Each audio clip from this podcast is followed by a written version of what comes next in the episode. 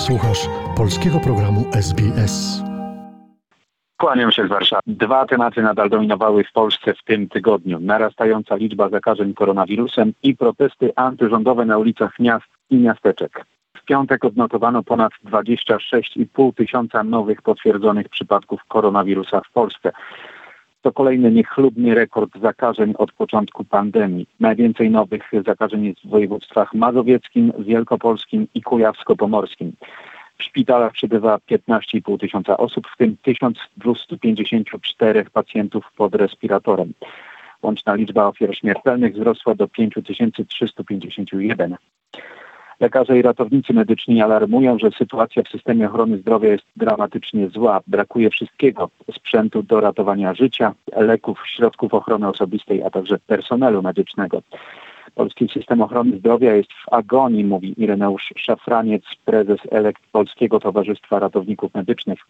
Obrazków karetek z pacjentami oczekujących przed szpitalami, aż ktoś w nich umrze i się zwolni miejsce, nie da się wymazać z pamięci. Jesteśmy na granicy wytrzymałości psychicznej, dodaje Szafraniec.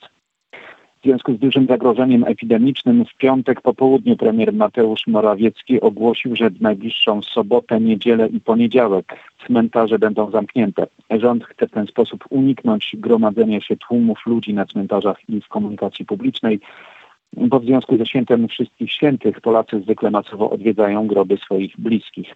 Tradycja jest mniej ważna niż życie, stwierdził szef rządu ogłaszając decyzję.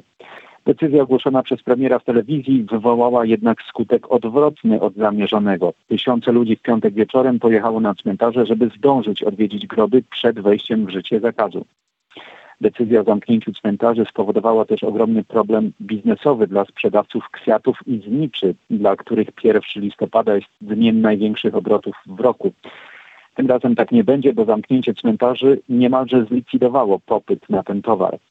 Wszyscy wydaliśmy setki tysięcy złotych na zakup towaru i teraz nie będziemy mieli co z nim zrobić. To jest zwykłe draństwo ze strony rządu, mówi właścicielka straganu przy cmentarzu powązkowskim w Warszawie.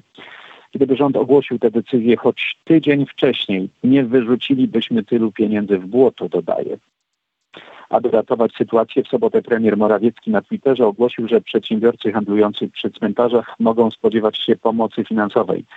Terenowe oddziały Agencji Restrukturyzacji i Modernizacji Rolnictwa odkupią od producentów i sprzedawców kwiaty i rośliny, które byłyby sprzedawane w tych dniach przed cmentarzami, poinformował premier. Rząd przeznaczy na ten cel 180 milionów złotych. Za nami kolejny tydzień protestów po ogłoszeniu wyroku Trybunału Konstytucyjnego, który zaostrzył prawo aborcyjne w Polsce. Mniejsze lub większe manifestacje odbywają się praktycznie we wszystkich miastach wojewódzkich i powiatowych w całym kraju. Największy protest odbył się w piątek w Warszawie. Wielotysięczny tłum spotkał się w ścisłym centrum Warszawy na rondzie Dmowskiego, skąd wiele osób udało się później na Żoliborz pod dom Jarosława Kaczyńskiego. W manifestacji wzięło udział co najmniej 100 tysięcy osób. Większość uczestników nosi transparenty wyrażające sprzeciw wobec zaostrzenia prawa do aborcji, ale coraz częściej liderzy protestów nawołują wprost do dymisji rządu i rozpisania nowych wyborów. Mimo, że w marszach protestacyjnych biorą udział głównie kobiety i zazwyczaj przebiegają one pokojowo, to jednak w Warszawie nie obyło się bez incydentów. Na Starym Mieście grupa zamaskowanych pseudokibiców w pewnym momencie zaczęła rzucać racę w policję i uczestników protestu. Do incydentów doszło również przy rondzie de Gola, gdzie grupa zamaskowanych mężczyzn zaatakowała uczestników demonstracji.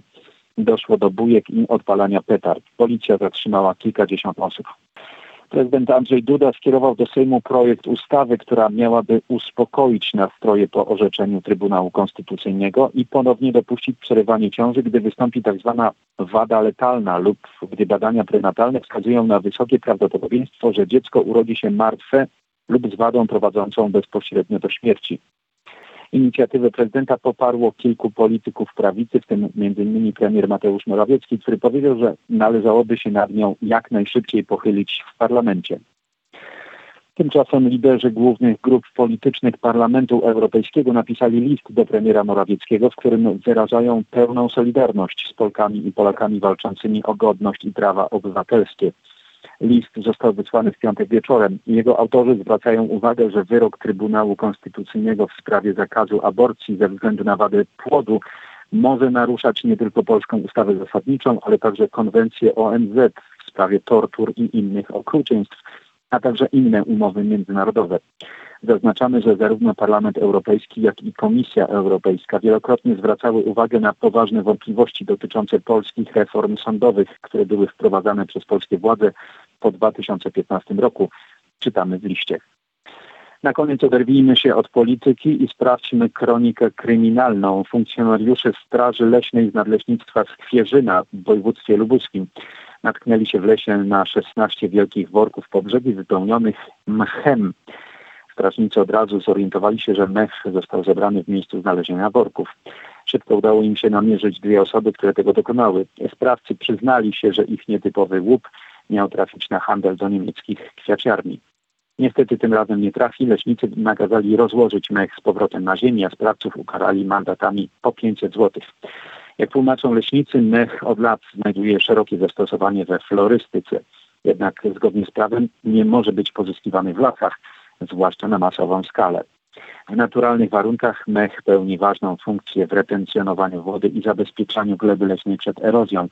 Jest też domem i środowiskiem życia dla wielu organizmów i dlatego nie można go zabierać z lasu. O czym z Warszawy dla Radia SBS Przemysław Przybylski. Polub nas na Facebooku, udostępnij innym, skomentuj, bądź z nami na polskim Facebooku SBS.